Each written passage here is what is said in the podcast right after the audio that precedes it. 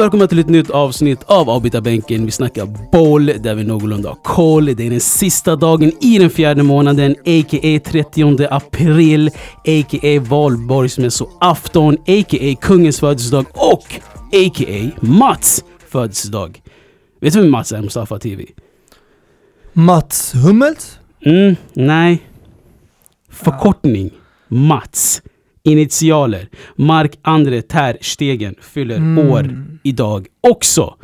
Det var Eh, en lång förkortning för eh, ett sådant namn måste jag säga. Men han har ju tre namn Mm. eh, och initialerna blir ju Mats som OGS typ 3, Mats 4. Eh, Mark Andre Ter Stegen fyller 29 år eh, samtidigt som kungen fyller år. Kanske inte den världens bästa födelsedag att vakna till när han fick en granat sprängd i Camp Nou. Okej, nu snackar jag inte eh, alltså bokstavligen eller bildligt. Eh, det var du en- syftar på en eh, Granada som smällde till där. Exakt, i Camp Nou. Det var en analog jag försökte dra, inte den bästa analogen kanske. Eh, men precis som du sa, de åkte på en chockförlust mot Granada igår torsdag, 2-1. Eh, och det gör att eh, hela eh, La Liga skakar om nu. Ja, väldigt intressant. Bara tre poäng där som skiljer sig mellan ettan och fyran. Mm, precis. Eh, och sen vad var det vi sa? 20 poäng mellan fyran och femman. Exakt, Ett milavstånd där. precis. Ljusår mellan de lagen. Mm. Eh, det är AK Fredag idag också. Det var en liten medveten tanke att spela in sent veckoavsnitt. På så sätt fick vi med Champions League och Europa League semifinalerna. Eh, Granadas vinst mot Barcelona som sagt. Eh, och vi befinner oss lite mitt emellan vardagen och helgen som gör att vi kan snacka upp eventuella kommande händelser i helgen. Eh, så det blir ett jättefint mittemellan avsnitt. Lite mittemellan mjölkavsnitt. Fredag idag 30 april. Så jag tycker vi kör på pang på direkt. Kör vi. Vi säger good evening till Arsenal. Vi hälsar till Italien att Rom kanske inte byggdes på en dag. Men Rom föll på en kväll. City vann mot PSG i tisdags, mycket tack vare PSG själva. Thomas Tuchels mäktiga facit mot stortränarna. Sist och minst, Julian Nagelsmann ny tränare för Bayern München. I vilken ände vill vi börja idag? Du ser, ändå en ganska skön sammanfattning och ganska mycket som har hänt de här senaste dagarna. Och sist vi spelade in faktiskt, eh, eh förra måndagen, så har det ju hänt en hel del. Eh, måndagsavsnittet så snackade vi mycket om eh, eh The Super League. Eh, som, som många trodde var klappat och klart och att det var bara en tidsfråga innan eh, eh, saker och ting skulle verka.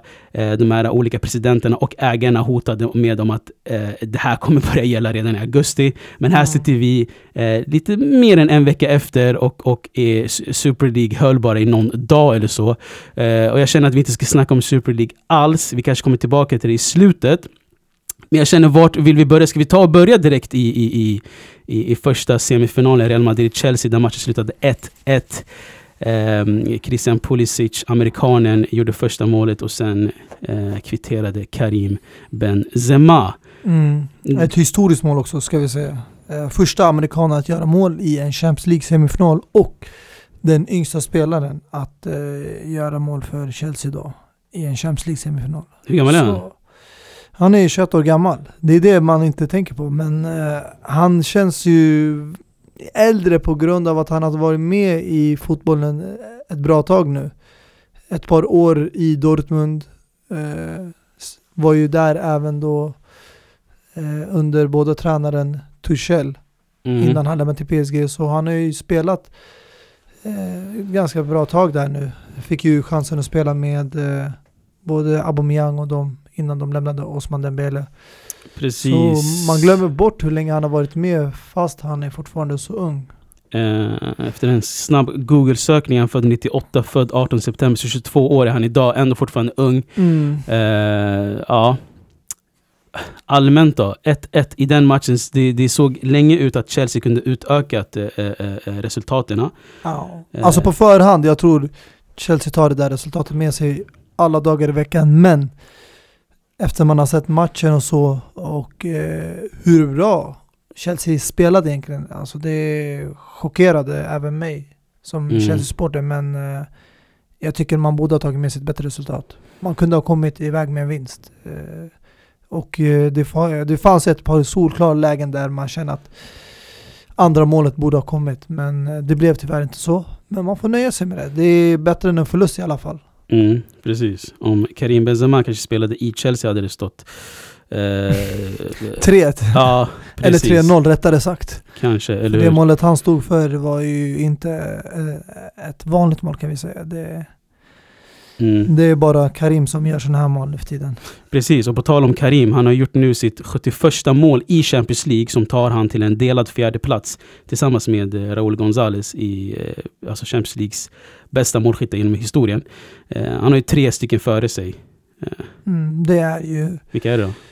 Messi, Cristiano och eh, jag tror det är Lewandowski. Precis, Cristiano Ronaldo 134, Lionel Messi 119 och Robert Lewandowski 73. På tal om milavstånd, det här är ju milavstånd om någonting. Eh, och Benzema kan ju slå det här rekordet, eller kan eh, komma på en tredje plats om man gör två mål mot Chelsea, eller ett mål mot Chelsea och sen gör några mål mot finalen. Om de går vidare till finalen, det vet man ju aldrig. Mm. Ehm, men eh, det finns ju allt att spela kring den matchen också. Ja, definitivt. Eh. Och eh, bara en liten kort kommentar där alltså. Det vad tyckte du om prestationen av en viss spelare? Vad tänker du på? Vi pratade om det här innan matchen och eh, många nämner ju den här trion i Real Madrid, eh, vilket eh, de förtjänar med all ära med tanke på vad de har vunnit och åstadkommit. Mm. Det där magiska mittfältet. Men jag sa att om det finns en, ett lag eller en viss person som kan sätta stopp för den här trion, Mm. då är det N'Golo Kanté. Och Ja. eh, med eh, Rafael Varanes egna ord, som han sa där, han bara He embarrassed us. Han sa det bokstavligen. Ja, Ja, vilken match han gjorde alltså. Han eh, fick ju också man of the match efter den matchen. Mm. Vilket han 100% förtjänade. Exakt, alltså N'Golo Kanté är en one man army, alltså verkligen. Det är inte one man, det är two man's army. Ja, jag menar att han själv är en hel armé typ. Ja. Eh, Sen ja, han kan ju vara två vissa tycker arméer att också. han eh, täcker ju resterande av jorden. De här 30 procenten. Ja, Och resten består ju av vattnet. Precis, precis. Eh, the old tweet joke som de alltid drar. Eh, nej, men jag tyckte det var en, det var en eh, bra match så, men eh, alltså ständigt nu, alltså i, i semifinalen när man ser Timo Werner missa sådana här lägen, eller när man ser Courtois rädda de här lägena, jag vet inte vilket håll man, man, vill, man vill dra den åt, så blir det lite så här, ah, det här kunde ha punkterat för länge sedan, eller det kunde ha haft mycket bättre utgångsläge i, i London. i Ja, returen. så fördelen kunde ha varit mycket bättre i returmatch. Men man får ta det som det kommer helt enkelt. Jag tycker man ska se det från ett positivt perspektiv att Chelsea gjorde en bra match mot ett väldigt bra motstånd. Mm. Som ändå bär på mest erfarenhet i den här turneringen och eh, jag tycker man ska ta med det här för det är ändå självförtroendet de har nu. Att nu har de stått inför en match och visat att de var det bättre laget. Precis. Och då tror jag de har liksom självförtroende att kunna göra det igen. Eh, Men eh, som sagt, man ska aldrig ta någonting för givet. För vi alla vet Real Madrid kan, eh, ja, de kan skaka till det när som helst. Oh ja. Likaså som de gjorde med sitt mål. Som, det kändes där precis som att det bara kom från ingenstans. Ja, exakt. Ehm, precis. Och jag, jag tyckte också uh, Mason Mount ska få en, en hyllning. Eh, jag tyckte han var skitbra. Och Mm. har varit skitbra den här säsongen. Eh, jag kollade lite, jag läste en, en, en skön stat att han har gjort, eller han gjorde sin hundrade Chelsea-match eh, mot Real Madrid eh, på sina två blotta säsonger. Mm. Eh, och det är mycket, 100 matcher på två säsonger. Visar bara hur mycket, hur, given han, han var under Lampard, hur given han är under Tuchel och, och vad han kan betyda för England också eh, i EM om han, om han blir given under Jag tror han är den första eller yngsta då spelaren att komma upp till 100 matcher i Chelsea-tröjan. Mm, precis. Det, Det säger en hel del. Ja, det säger en hel Mm. del. Alltså, antingen, antingen kan det säga att, att Chelseas trupp är så pass eh, eh, smal och mager att spelare som Mason Mount är given, är tokgiven. Eller så kan man liksom tänka från perspektivet att Mason Mount är så jävla bra att han ska vara given i Chelsea. Mm. Alltså om man tänker efter vilka spelare som kun, alltså kan eller kommer att kunna spela i hans position. Det är ändå två spelare som jag tror ingen kan argumentera mot är riktigt bra spelare. Och det är Christian Pulisic, eh, amerikanska talangen som har varit i Dortmund. Och sen Mm, Hakim Ziyech som alla känner till från eh, tiden i Ajax. Precis. Så att han ändå startar framför en av de här två spelarna, det är de två som oftast får rotera. Jag tror det säger en hel del. Mm. Och det är väldigt synd för att eh, han fick inte den cred han förtjänade i början. Han fick mycket kritik eller påhopp för att han var en så kallad favoritspelare. Lampards eh, son Lampards kallade man honom. alltså man såg han som Mm. Lampard, eh, du vet han som skulle ta över Lampards tron och hela den Exakt. grejen. Så jag tycker inte att, att han är en, en spelare som Lampard. Han är, mer, han är inte den här second striker Mason Mount. Han är mer en mittfältare. Jo men att han är så given. Det är det han Mm. oftast eh, eh, man inte kom undan med men det var det man anklagade Chelsea och Lampard för. Att man favoriserade. Men eh, vi får ju ändå se det nu idag med Tuchel, dagens Chelsea och vi får se det i landslaget med Gareth Southgate. Det är, det är ingen Mm. snack om att hans kvalitet finns där och det finns en stor potential. Och han kommer bara bli bättre. Ja, alltså att gå från Championship-fotboll till att spela Real Madrid i en CL-semifinal på två säsonger. Det måste kännas skit-amazing för Mason. Mm. Eh, Så jag kollade, jag kollade faktiskt bara för att, du vet, för två år sedan, eh, de mötte Derby County som han spelade för, de mötte eh, Bristol City Mm. eh, och han drog på sig ett gult kort. Det, det där var Mason Mount för två år sedan. Spelade Championship, drog på sig gult kort. De vann den matchen tror jag också. Där eh, den gamla United-spelaren eh, Tom Lawrence gjorde mål. Jag var tvungen att få in en United-spelare också här. Men alltså fatta hur snabbt det vänder i fotbollen. Mm. Och fatta hur kul fotbollen är som öppnar upp möjligheter till, till massa människor. Eh, jag kommer ihåg uh, tweeten som Andrew Robertson eh, skrev eh, back in the days innan han ens var påtänkt att spela för Liverpool. Att han, att han var typ fattig. Han bara “Life is so eh, eh, shit when you're poor and have no money”. Och sen några, dagar, eh, sen några år efter spelade han eh, Champions League-final mot eh, Real Madrid. Och sen året efter vann de väl Champions League. Mm. Eh, så skitfint. En annan grej också på tal om att fotbollen öppnar upp möjligheter. Eh, Edouard Mendy. För sex år sedan så släpptes han ju av sitt franska lag eh, Cherbourg. Eh, och hans vet, flickvän eh, var höggravid. Det var inte, det gick inte så bra för honom.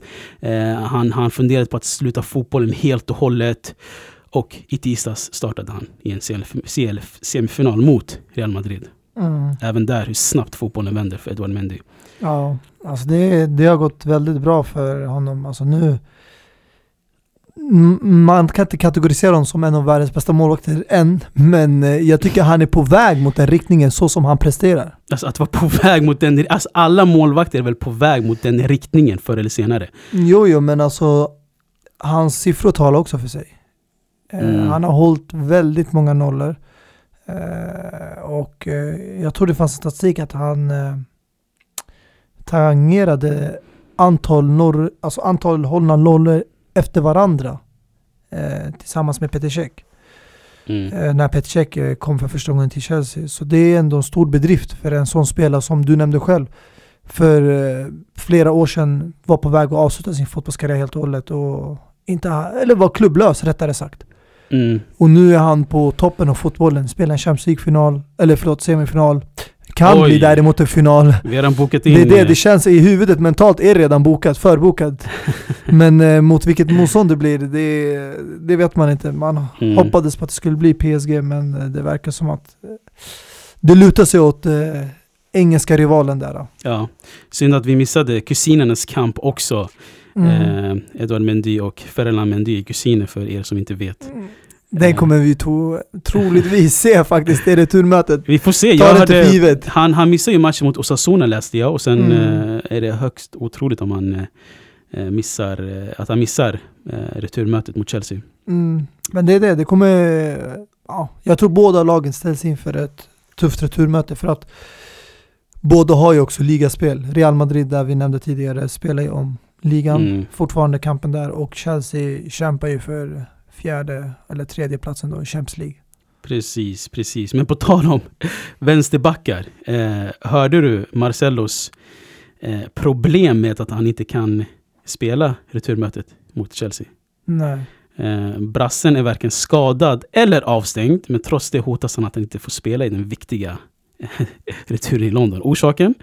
Eh, Marcelo har slumpmässigt blivit utsedd till att jobba vid en vallokal under ett regionval i Madrid den 4 maj. Eh, dagen före returen mot Chelsea. Och jag, alltså jag fattar inte den här grejen, men han har blivit slumpmässigt utvald av alla de här sma- spanska eh, eh medborgarna. Att han måste ställa upp i det här är det lokalvalet. obligatoriskt? Det är obligatoriskt. Okej. det, det, det är vad jag förstått det som. Ja. Och grejen är, han kan inte du vet, snacka ur sig eller ingenting. Så, alltså det, det, det är så jävla frustrerande. Men är det någonting som de själva liksom frivilligt registrerar sig för att kunna bli utvalda eller är det bara någonting som... Alltså tyvärr, jag, jag, jag är för lite påläst kring det här. Men jag tror att det är en, eh, som spansk medborgare, alltså det är som jury duty i USA. Mm. Alltså du måste ställa upp på, på jury duty då och då. Eh, samhällstjänster. Och det är väl en sån här grej i Spanien att Marcelo måste ställa upp på eh, det här lokalvalet. Som Ja. gör att han missar mötet mot Chelsea. Alltså andra spelare har ehm, eh, lyckats prata sig ur det här och så. Men faktum är att Alltså att det corona stör, eh, stör det här att han inte kan resa du vet, direkt efter. För det är jättebegränsat med flyg och hela den grejen. Mm. Eh, så, Alltså jag tycker med den makten som Real Madrid besitter och Florentino Perez så ska de kunna lösa någonting där. Ja, men Florentino Perez har ju sina andra bekymmer just nu. Där han säger att Su- Super League inte död ännu. Mm. Så jag vet inte riktigt. Eh, men jo, det har varit mycket Chelsea-hyllning den här matchen. Eh, med all rätt. Och jag tycker vi, vi, vi, vi avslutar med en sista hyllning till Chelseas tränare Thomas Tuchel. Under sin hittills korta tid i Chelsea har han mött tränare som Mourinho, Simeone, Klopp, Ancelotti, Guardiola, Zidane. Och han har inte förlorat mot någon av Mm. dem. Mm. Vad säger du om Thomas Tuchel? Det, Alltså säger det det tillfällighet? går inte att säga någonting mer än det du sa. Det, ord går inte att beskriva det han har ja, åstadkommit på så kort tid. Det som förvånade mig mest är hur han fick igång laget på så kort tid. Att de spelar så bra eh, och har köpt liksom hans spelidé. Mm. Eh, och eh, anpassat sig väldigt fort också till eh, sättet som han vill spela på. Det är trebackslinje, det är där, wingbacks, men det är också en viss hög press, försöka vinna tillbaka bollen och eh, ja, rulla spelet och få liksom försöka hålla bollen på gräset och inte köra långbollar, djupledsbollar. Men det, Mm. det han har gjort är väldigt bra faktiskt och eh, jag tror får han fortsätta implementera sitt spel och kanske hämta några till pusselbitar. För det snackas ju om att man ska ja, skicka iväg några spelare och hämta in några ersättare. Då, då kan det byggas upp ett, eh, ett det, det låter fel att säga då så, men en tysk maskineri där. Det är ett engelskt lag, men det är ett tysk maskineri som håller på att byggas av Tuchel alltså. Mm. Mm. Ja. Alltså, lång tränarkarriär rimmar inte bra ihop med Chelsea. Eh, Nej, alltså, vad, vad tror du? Hur länge tror du han kommer få stanna i Chelsea? Alltså, jag, alltså, något säger mig, mig han max sammanlagt 18 månader. Alltså nu grejen är kontraktet han har fått är ju bara 18 månader. Exakt. Han fick det. korttidskontrakt för att man inte vill eh, dra fasta slutsatser och förvänta sig stora resultat och eh, börja liksom kortsiktigt den här gången. Men jag tror att inom snar framtid så kommer han visa att han förtjänar ett längre kontrakt. Och eh, det enda som då fattas i hans CV egentligen och för spelarna, hela klubben, det är ju titlarna. Så Mm. fort de börjar eh, fallera in i garderoben där och eh, skåpet, då tror jag att han kommer vinna styrelsen och ägarens förtroende. Och då eh, kommer man ge honom längre tid. Och det är även det som kommer hålla spelarna i omklädningsrummet motiverade och eh, ha en bra relation och verkligen inte som det brukar oftast hända att man går emot tränaren. Mm. För att i slutändan är det resultat som spelar roll. Kommer man ut som en vinnare, tar man hem titlarna, då kommer spelarna och tränarna vara glada och nöjda och alla ihop i klubben kommer vara sams. Mm. Precis. Så det är det som jag tror kommer vara ändamålet för alla inblandade. Exakt. Men eh, om vi har lärt oss någonting att man inte kan räkna ut Zidane i en Champions League-turnering. Ehm, och ehm, han har inte gjort sitt sista trolleritrick tror jag i den här semifinalen. Eh, jag tror det finns mycket att vänta kring. Och jag tyckte det var så fint hur Joe Cole hyllade Zidane. Att, alltså att han inte får du vet de här orden och de här praisen han, han, han ska få. Eh, och att han jämförde han med eh, Johan Cruyff. Att det är bara Zidane som har haft en så bra spelarkarriär och en så bra tränarkarriär hittills. Till och med Mm. kanske bättre än Cruyff. Eh, så. Det, det är någonting jag står bakom Mm. 100% och jag har alltid sagt det att han eh, han förtjänar mycket mer eh, liksom cred från eh, fans eh, runt om i världen, från journalister, experter, från allihopa. Mm. Det är, man, du man fokuserar för mycket på hans korta tränarkarriär. Och Mm. Det är därför oftast när man pratar om stora namn är det Mourinho, Guardiola. Men faktum är att han har ju vunnit nästan allt man kan vinna på de här ja, på de här få åren som han har varit tränare i endast en klubb också och det är Real Madrid. Mm. Ingen annan klubb. Precis. Eh, allt har att spela, vad säger jag? Eh, ni, ni, ni förstår vad jag försöker säga. Det finns Mm. allt att spela kring i, i, i returmötet i London. Eh, och vi sitter ivrigt och väntar på den returen på onsdag. Det spelades en annan match dagen därpå, El Cachico mellan PSG och City. Eh, 1-2 blev den i den matchen och som jag sa i början, eh, mycket tack vare PSG själva och mycket tack vare Keylor Navas själv. Men jag måste passa på att fråga dig där direkt på. Eh, målet som Kevin De Bruyne gjorde, var det en tabbe av Keylor Navas eller var det en tabbe av försvararna? Att de inte nickade undan målen? Alltså, jag vet att många inte lägger skulden på Navas för att det är väldigt svårt att avgöra hur man ska reagera där. Men eh, jag känner personligen att bollen eller inlägget kom inte med så mycket kraft. Att eh, tiden fanns för honom att kunna reagera.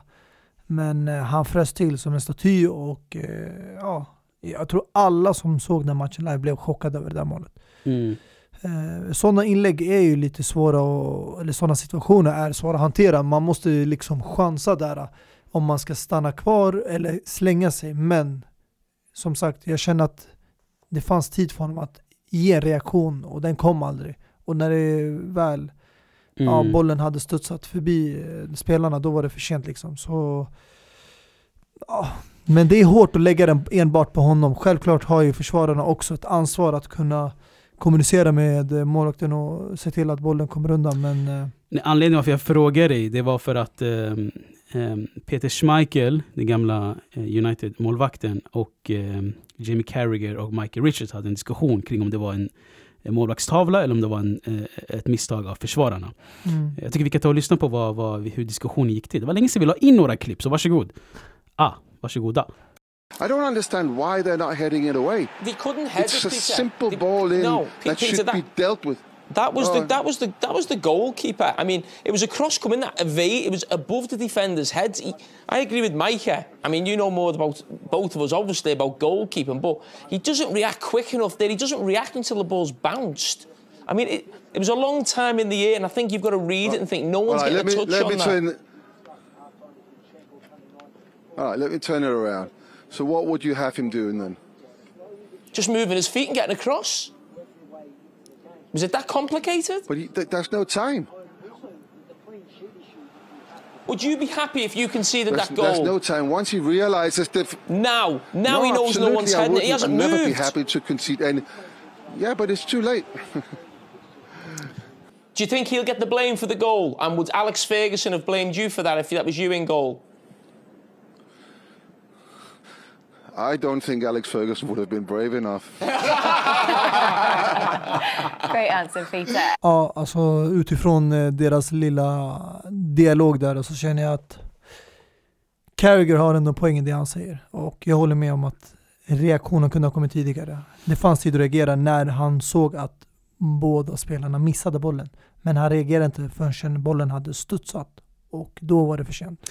Ja, men Carragher säger också där att eh, Schmeichel, du vet bättre än mig själv och Michael Richards om hur det var målvakt. Så jag vet inte, de, de kunde inte komma överens vem som felet låg hos. Eh, men faktum var att Kevin De Bruyne gjorde mål eh, på den frisparken. Eh, och sen andra målet så kom det mellan Ja. en, eh, alltså m- mitt i, mitt, mitt i muren. Mm. Det där eh, hamnar ju ansvaret helt och hållet på muren. Mm. Eh, Även om bollen inte var välplacerad och vissa känner att kanske Navas kunde ha räddat den här frisparken. Eh, Han ska absolut inte ta skulden för det där målet. Det, Nej, alltså det- definitivt det inte. Det finns ju en mur där som säkert var ihålig. Och, och, och problemet för mig är att man, man lägger mycket mer fokus på att, på att lägga Verratti där nere så att ingen ska du vet, rulla in bollen under muren. Mm. Och folk har inte gjort det sen, sen Ronaldinho sitt mot Werder Bremen känns det som. Så istället för att lägga fokus på det, eh, eh, håll muren intakt. Eh, Mm. hur kan du skapa ett hål där? Fattar inte. Ja. Eh. Nej, det är, alltså det är, ibland blir det sådär oturligt att när muren hoppar och slänger sig eh, så blir det något hål eller lucka mellan två spelare. Och då ibland har man tur kommer bollen igenom. Mm. Men man förväntar sig alltid att bollen ska komma över muren eller runt muren. Från Mm. sidan, kanten, eh, som Roberto Carlos visade oss att man kan göra en gång i tiden. Precis. Men, Den eh, ikoniska frisparken mot Nu för Frankrike. tiden så chansar man bara lotteri där och bara kör den rakt igenom som också Ronaldo gjorde Cristiano då mot eh, Wolfsburg. Ja, exakt. Och de När frågade ju... igenom sitt hattrick. Exakt, precis.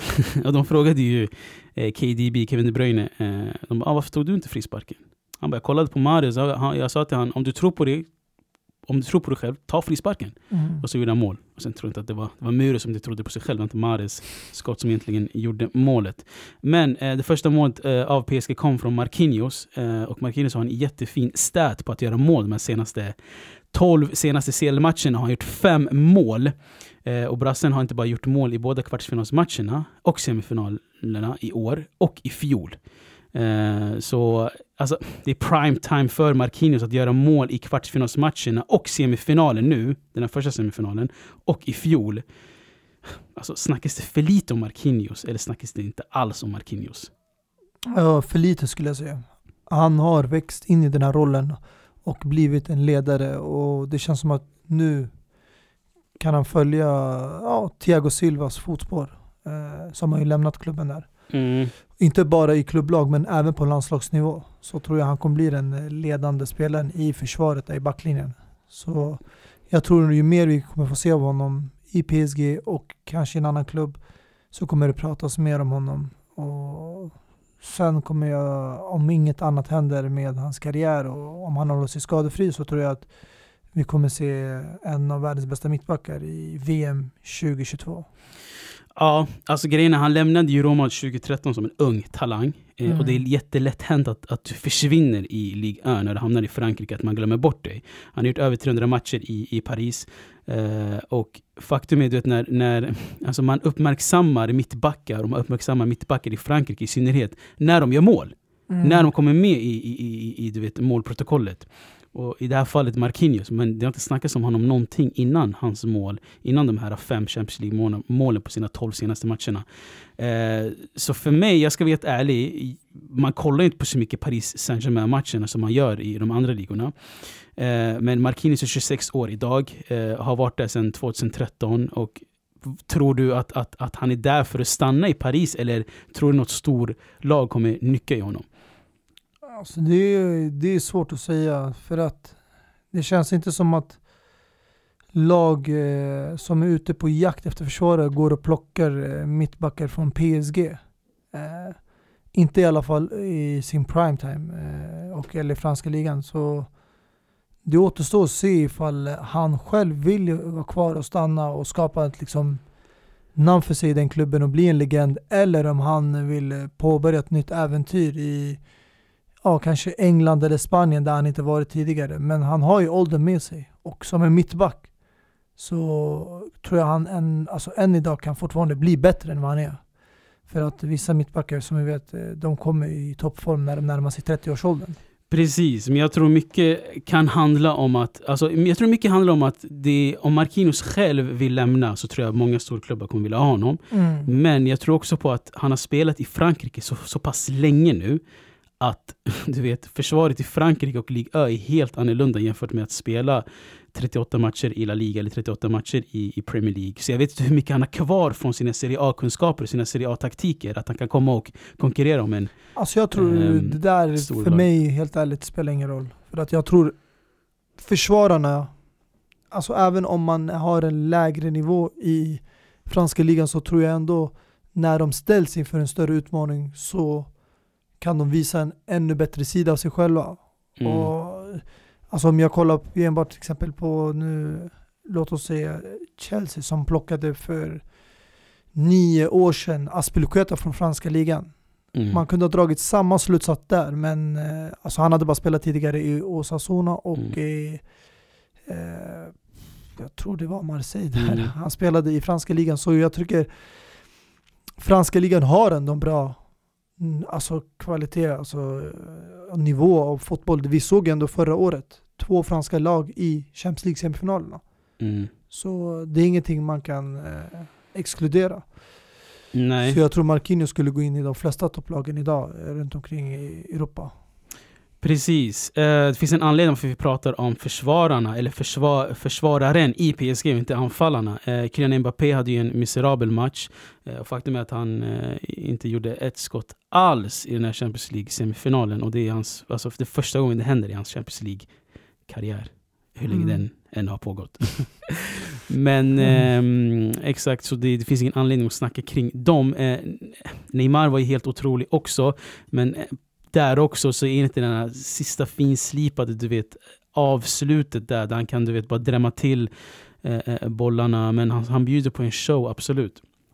Och det gör ju grejerna, jag kan inte blamea Kylian Mbappé så mycket heller när det gör att eh, Neymar faller så långt ner på planen att han blir the main man först så att Kylian Mbappé försummas lite. Förstår du lite vad jag menar? Mm. Det skulle en annan grej om Neymar hade sin fasta position, där Kylian Mbappé hade har sin fasta position och att de utgår därifrån. Men Neymar har, har en så pass stor fri roll i den matchen och i det laget gör att de andra eh, offensiva spelarna faller av lite. Mm.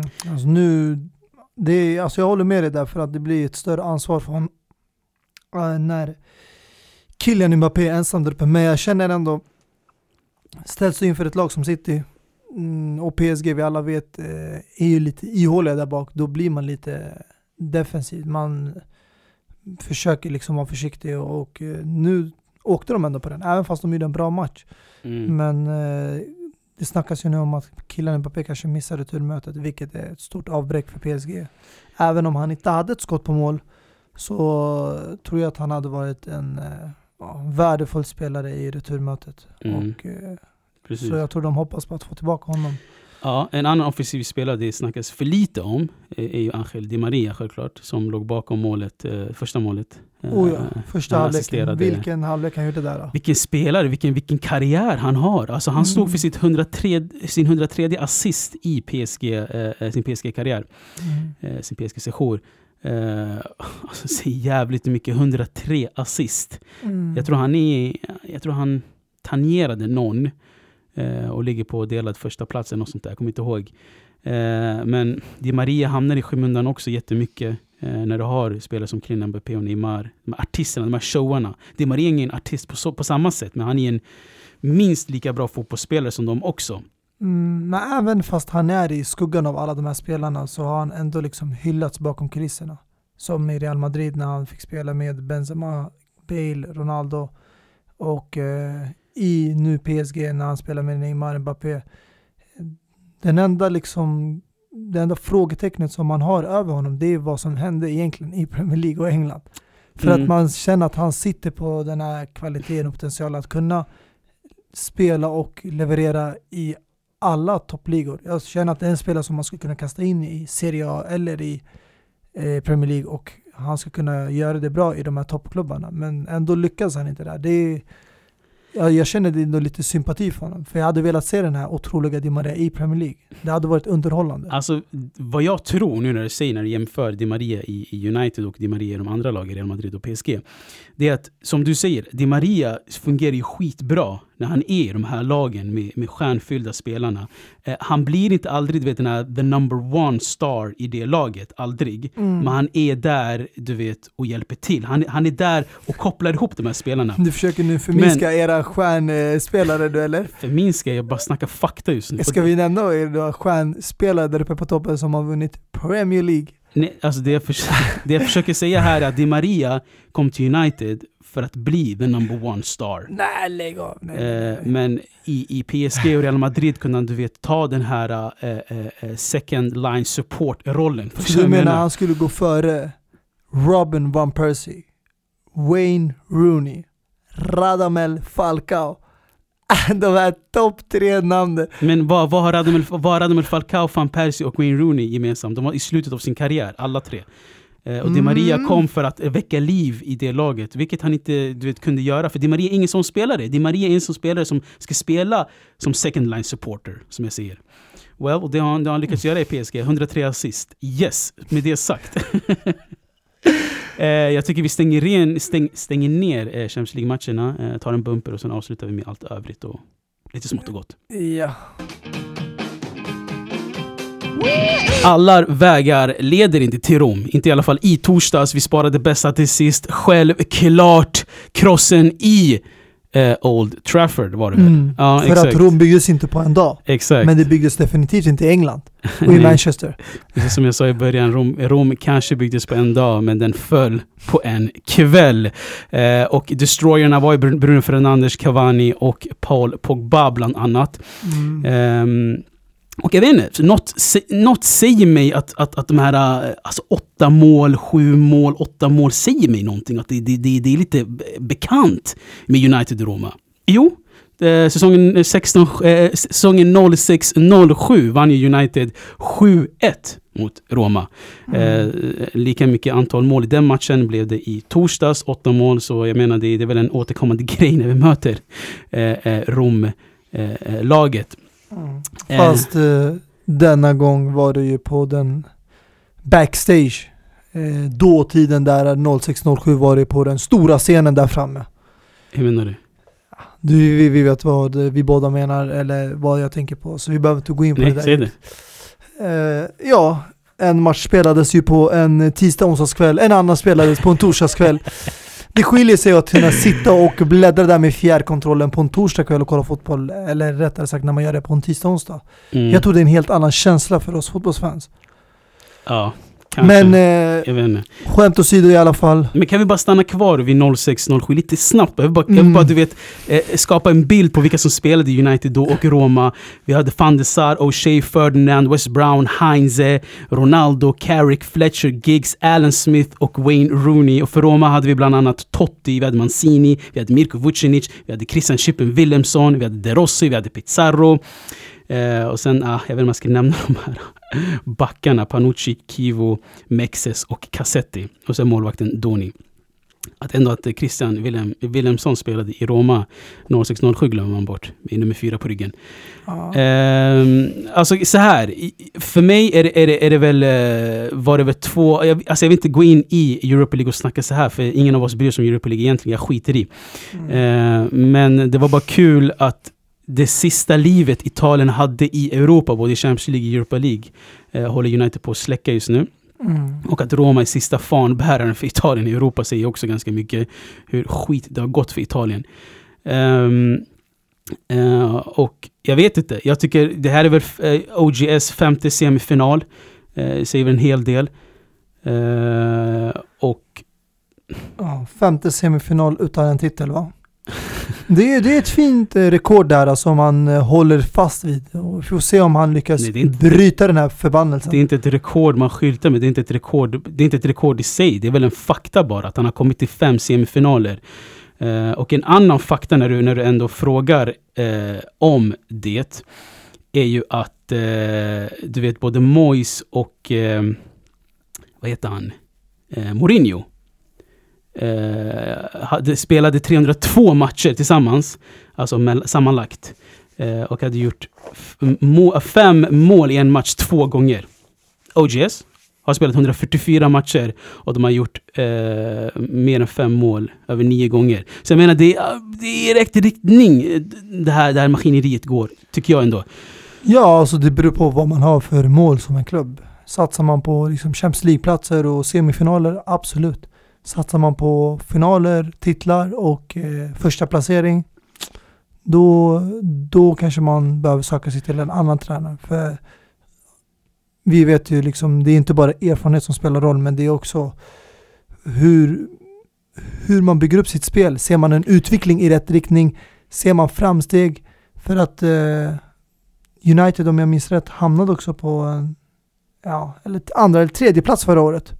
Nu blir det en andra plats. Ja, man har klättrat upp ett steg, men Som, som ledmeningen är i det här avsnittet. Men- Rom byggdes inte på en dag. OJs karriär kommer inte byggas på en dag. Uniteds eh, eh, uppfart kommer inte byggas på en dag. Mm, Så allt sinom tid, helt Ja. enkelt. absolut. Eh, det kommer att komma, men det kommer komma en Mm. viss tid för också Cavani, som vi vet. Eh, hur menar du? Nej, en sån spelare som jag tycker United just nu förlitar sig på. Och eh, det är ju väl Med nog den hetaste rätt. anfallaren i United-laget. Så det är frågan om... Eh, Med all rätt, han har gjort över 400 karriärsmål i sin, i sin karriär. Låg bakom alla, vad blir det nu? Fem mål igår? De Mm. Fem mål låg han bakom igår. det är just det, därför jag tar upp Ehm. honom. För att det här är en spelare som är på väg mot slutet av sin karriär. Och man ja, förlita sig i honom. Då blir det ett problem när det kommer till framtiden. Om man ska nu utmana om titlar och bygga vidare på det här maskineriet. Alltså jag, tror, alltså jag tror du har fel fokus på Cavani. Cavani är mer i United för att man behöver en sån här erfaren, notorisk målskytt som kan, du vet, förenkla eh, spelet för till exempel Mason Greenwood och Marcus Rashford. Eh, Men för, tror du för, de här för det spelarna- behövs, för, för vi har inte haft det sen Zlatan Ibrahimovic, det behövs i, i, i ett, stor, ett storlag, att man blandar och ger Oj, lite. så att det kan vara Zlatan samma kategori. Okej. Nej, alltså jag menar antal, antal mål. Alltså Zlatan har gjort över 500 mål, ja, och Cavani har gjort typ 400, Men tror du på 450 riktigt- karriärsmål. Ja.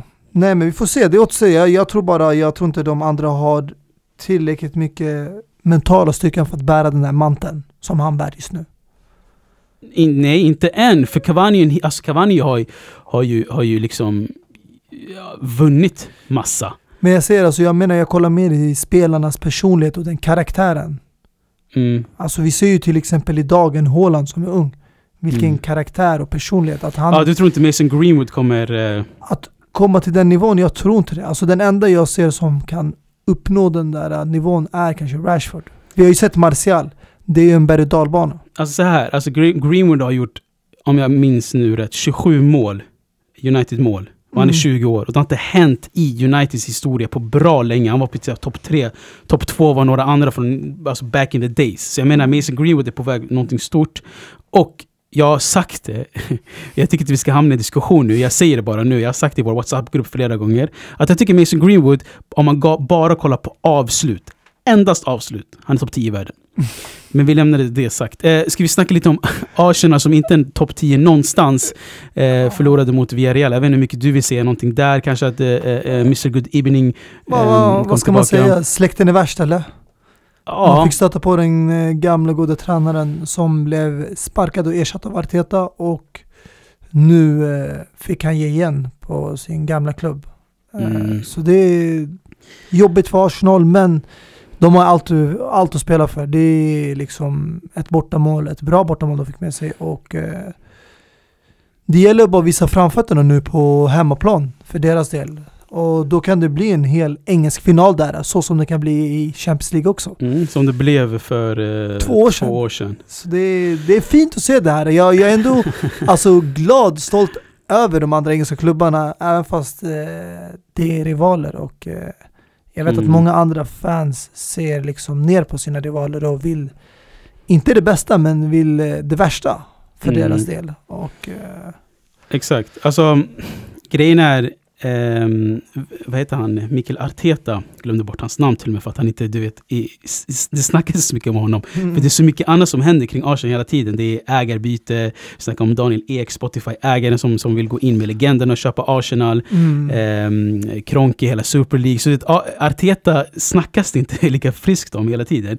Men jag kollade upp det lite, du vet. Alltså, Arsenal-fansen har länge velat få bort inte länge, men det var en period de ville få bort Wenger jättelänge, för han har suttit i tronen för länge. Och sen kom Emery, de ville få bort honom och sen förlorade de mot Emery i torsdag. Så allt bara biter sig i arslet för Arsenal-fansen och Arsenal. Nu förlåter jag jättehård mot Arsenal igen, men den här siffrorna kommer skaka om Arsenal-fansen, så håll i er. Alltså under eh, Wengers tid i Arsenal, alltså hans 22 säsonger, har han aldrig avslutat en säsong med mindre än 63 poäng. Okej? Mm. Eh, och maximum som Arsenal kan nå den här säsongen är 61. Mm. Så jag menar alltså att, att man litar sig på, på Arteta som har suttit i en dunjacka bakom Guardiola några säsonger, att han ska komma och frälsa dem. Mm, jag vet inte. Alltså jag, jag förstår eh, din koppling där och det finns ett sammanhang att eh, Wenger kanske var underskattad men fick ju ändå väldigt många år på sig och eh, slutade leverera så man tappar ju till slut tålamodet. Men de har ju inte bara uttryckt sitt missnöje med tränare utan de har ju uttryckt sitt missnöje i väldigt många år med ägaren och eh, styrelsen där som delar då eh, ägarskapet med Kroenke som äger majoritetsandel. Men eh, det, lösningen är inte för mig, jag tror, i tränare. För att även om du hämtar Emery eller Mikael Arteta, det, det är spelarmaterialet. Och är där, alltså, även där kommer problemet i att byta ägare. Om du nu kommer in med Spotify-ägaren tillsammans med Terry Henry, Patrick Vieira, Dennis Bergkamp och alla de här legenderna och Mm. köper upp den här klubben eller tar över majoritetsandelen. Även fast ni är stora profiler och legender och sitter där i styrelsen så som Arsenal ser ut just nu i deras skick att de inte spelar i Champions League eller Europa League om de står kvar på den här tabellplaceringen. Du kommer inte kunna locka till dig världsklasspelare. För mig, än idag, har jag inte förstått hur de lyckades få dit Thomas Partey. Det står för mig än idag inte klart och det är ett frågetecken hur de lyckades övertyga han och hans agent. Så det där är inte för mig lösningen. Att byta tränare, spelare, de måste först bygga upp sig själva som klubb och komma tillbaka till det här topp 4 Champions League-platserna så som Tottenham gjorde under Pochettino. Och sen därefter kan man börja då satsa på kanske en ny ägare eller nya spelarköp för att kunna locka till sig. För nu om du ska hämta en bra spelare, vem är det du ska locka helt ärligt? Vem ska vilja gå till Arsenal? Folk tror jag idag går hellre till Leicester City, till Everton kanske till och med, Såklart. och Tottenham före de går till Arsenal. Mm. Och eh, det enda som kan egentligen locka till de spelare, det är deras historia. Namnet, klubben, Arsenal. Exakt, det är just därför tror jag Thomas Partey hamnade i Arsenal. På grund av deras historia, på grund av... Jag tror att han är uppvuxen med Arsenal och du vet i Afrika och i Ghana där han kommer ifrån. Att Arsenal är fortfarande så pass stor lag att, jag vet inte, det kanske var dröm för honom att och, och, och spela för ett Alltså stort vi, lag i vi England. såg ju själv liksom ett vinnande Mm. Leicester City. Mm. Chelsea lockade till sig N'Golo Kanté. Les, eh, Man City lockade till sig Mahrez. Mm. Men Jamie Vardy nobbade Arsenal. Mm. Jag tror det där säger mycket, alltså den klubben. Och Ja, det, det återstår att se liksom. Men jag förstår din synpunkt på Arteta. Han har inte gjort det riktigt bra, men... Eh, ja. Nej, nej, alltså jag, tycker, jag, jag, jag håller med dig också att Arteta kan inte blamas ensam för, för det här. Och jag tycker det ska bli jätteintressant att se hur, hur det här kommer bli, bli det här ägarbytet. Daniel Ek, Spotify.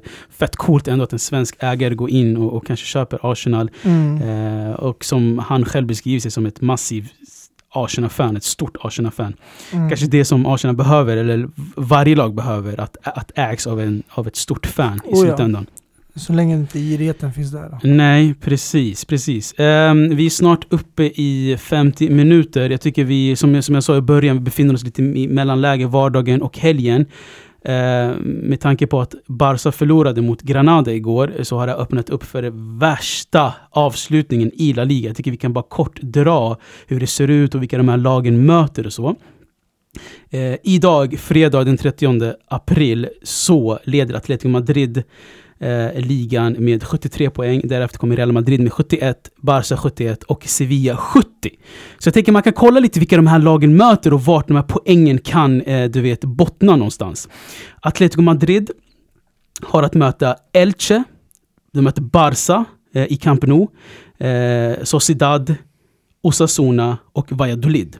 Och sen tänker man säkert, aha, men det kanske var Barca och, och eh, eh, eh, möjligtvis Sociedad som är svåra att möta. Men nej. Elche spelar för en, du vet, uppflyttningsplats. Eh, och eh, även Valladolid krigar om, du vet, att stanna kvar och rädda kontraktet till La Liga. Så det är en jättetuff eh, eh, eh, eh ett jättetufft spelschema för Atletico Madrid. Plus att de möter Barcelona också som håller på och krigar om om eh, första plats. Eh, Real Madrid som ligger tvåa möter eh, eh, Osasuna. Och sen har de Chelsea mittemellan, eh, returen. Eh, sen möter de Sevilla, Granada, Bilbao och sen Villarreal. Om något, det är också ett svårt eh, spelschema. Villarreal, Granada som vann mot Barcelona nyligen. Och sen Sevilla och sen Bilbao som vann mot Atletico Madrid. Och sen tycker jag att vi kollar på Barca också. Eh, Barca möter Valencia nu på söndag i Mestalla. Sen möter de Atletico Madrid, Levante, Celta Vigo och Eibar. Så om de, om de vinner Valencia och Atletico Madrid så har de allt att, eh, eh, att vinna egentligen. Och sen sist men inte minst Sevilla som också eh, är med i den här kampen möter Bilbao, Real Madrid, Valencia, Villarreal och Alaves. Ja, det, utifrån det där äh, så kan vi väl konstatera att Sevilla har nog det tuffaste spelschemat. Men, Mm. och eh, å andra sidan så har de ju allt att spela för. Alltså För jag tycker alla de här har tufft på olika sätt. Men jag tror Sevilla är nog den enda klubben som går in med inställningen att vi har ingenting att förlora här. Ja. För att de i början av säsongen räknar ju bara med att ta topp fyra. Och Mm. att nu de är med i titelracet, eh, ja, det är bara ett stort bonus för en sån klubb. Mm. Precis. Så, ja. Ja, jag tycker kort vi kan kolla bara innan vi avslutar på hur det ser ut i Serie A. Inte på vem som vinner scudetton där, mer om vilka som tävlar om fjärdeplatsen. Inter leder ju med eh, 11 eh, poäng och kan säkra ligatiteln när som helst, eller hur? mm. Ehm, och de som krigar om de här Europaplatserna är Atalanta, Napoli, Juventus och Milan. Atalanta som ligger just nu på en andra plats av 68, eh, Napoli 66, Juventus 66 och Milan 66. Milan som ledde Serie A i 17 veckor Mm. har eh, hamnat på en femte plats. Och vi kan kolla lite snabbt på vilka Atalanta möter. De kommande matcherna. De möter Sassuolo, Parma, Benevento, Genoa. Och sen har de Juventus i cupfinalen och sen möter de Milan i sista matchen. Så enda svåra matchen här är egentligen Milan för dem. Eh, där de möter dem på hemmaplan. Eh, Juventus möter eh, eller förlåt, Napoli först. Napoli möter Cagliari, Spezia, Udinese, Fiorentina och Verona. Även där inget så här märkvärdigt för Napoli inte heller ta poäng i de flesta matcherna, om inte alla. Eh, Juventus möter eh, Udinese, eh, Milan, Sassuolo, Inter och sen Atalanta i cupfinalen och sen Bologna. Och sen vad jag tror är att Milan har det svåraste spelschemat. Eh, möter Benevento, Juventus, Torino, Cagliari och sen Atalanta. I den här sista, du vet, finalmatchen. Så det är mycket att spela kring, mycket, du vet, eh, spännandeheten eh, runt om Jag tror i Italien och de Spanien. som hamnar i mest knipig situation om de inte tar Champions League-plats är Milan. Mm. För att Milan är beroende av dessa resurser och vill investera en hel del pengar i nytt material. Atalanta har ju satsat mycket på egen akademi. Juventus har stabiliserat sin eh, ja, ekonomi med sin nya arena och eh, ja, jag tror Napoli har ju spenderat en hel del men de har också haft en hel del sälj, ja, alltså sälj och köp. Så jag tror Milan är nog de mest desperata av att ta en Champions League-plats. Ja, alltså Milan måste ta en Champions League-plats. Ja. Som jag sa, 17 veckor, nummer ett låg de. Mm. Sen hade de en jättefin, eh, jättefin Sen corona har de, de de inte förlorat på typ 20 matcher eller vad det var. Sen har de ju spelare på utgående kontrakt. Eh, Chalanoglu, Donnarumma. Om man ska lyckas nu förlänga, övertala om att stanna kvar och förlänga kontraktet så behöver de Champions League-spel. Mm. De har Zlatan på en stor lön. Eh, spelare på lån som Tomori som de vill verkligen köpa loss efter en bra halvsäsong. Jag läste nyligen att de ångrade sig där, att de inte vill köpa honom längre. Det är ju typ på grund av eh, Champions League-spel. Mm. För att eh, det kostar en hel del att få loss en eh, sån spelare. Så, det kvarstår att se hur eh, här säsongen slutar för de här klubbarna. Ja, precis. Eh, men ehm, vad tänkte jag på? Eh, jag kanske inte tänkte på någonting alls. Nej, du tänker på England, men England är ganska klart. Nej, nej, alltså England, England Första, inte... andra plats är ganska klart. Tredje plats, mm, Ja. det är trean och fjärde. Det är där det kommer vara mellan Chelsea, West Ham, Leicester City och det känns som att eh, Liverpool och Tottenham eller Everton har chans också att kanske nappa på de här platserna. Men Mm. jag skulle gissa på att det, det blir de här fyra som är kvar där nu. Som är på toppen. Precis. Men eh, ska vi ta och avsluta med den här eh, lågan både från Italien och Spanien, vad vi har sett fram emot och hur det kan avsluta och hela den grejen. Vi har ju all anledning att komma tillbaka till det här och uppdatera hur det har gått för de här matcherna som vi precis rabblade upp. Mm. Så- På tal om tränare då där. då. Arsenal och eh, Bayern München. Mm. kryptoniten där i Champions League.